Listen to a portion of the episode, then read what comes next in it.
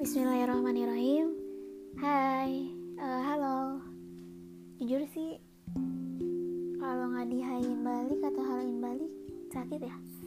Tapi ya udahlah ya nggak apa-apa. Di sini kan podcast dan jujur aja belum pernah ada pengalaman sih buat bikin podcast.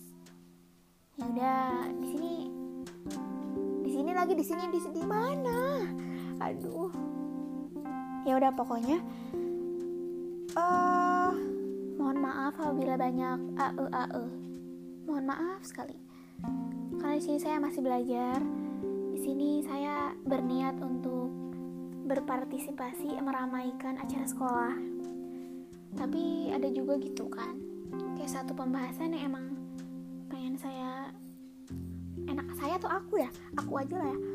Yang pengen aku bahas gitu. Soalnya sekarang kan lagi posisi di rumah aja nih kerjaannya kebanyakan rebahan sekalipun anak-anak yang aktif organisasi juga pasti rebahan lagi rebahan lagi.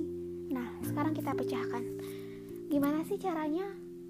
Satu hmm, satu topik yang kita ambil kaum rebahan beri perubahan.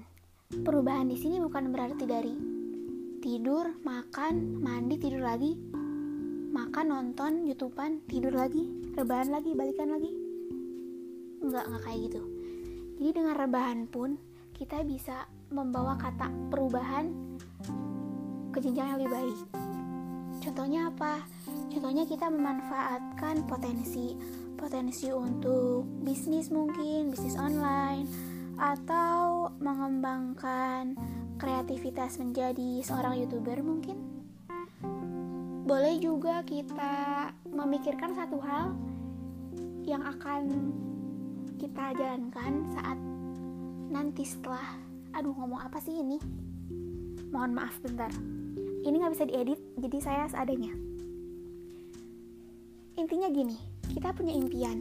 Contohnya kita mau masuk universitas yang emang bener-bener duh pengen banget nih pengen banget. Berarti solusinya kita juga harus belajar yang benar harus mempersiapkan segalanya dengan matang. Pokoknya segala impian tuh butuh rencana dan perencanaan itu bisa kita lakukan saat kita rebahan. Misalkan ada yang nanggepin, aduh gimana ya rebahan, rebahan enak banget gini gini gini segala macem. Oke tahu, cuman uh, ayolah kita coba bergerak dari uh, si rebahan ini. Dari pola pikir. Mulai dari pola pikir. Kayak gitu. Masih aja masih aja nih ada orang yang aduh tapi gimana ya? Kayak udah sahabatan banget sama kegagalan. Jangan sedih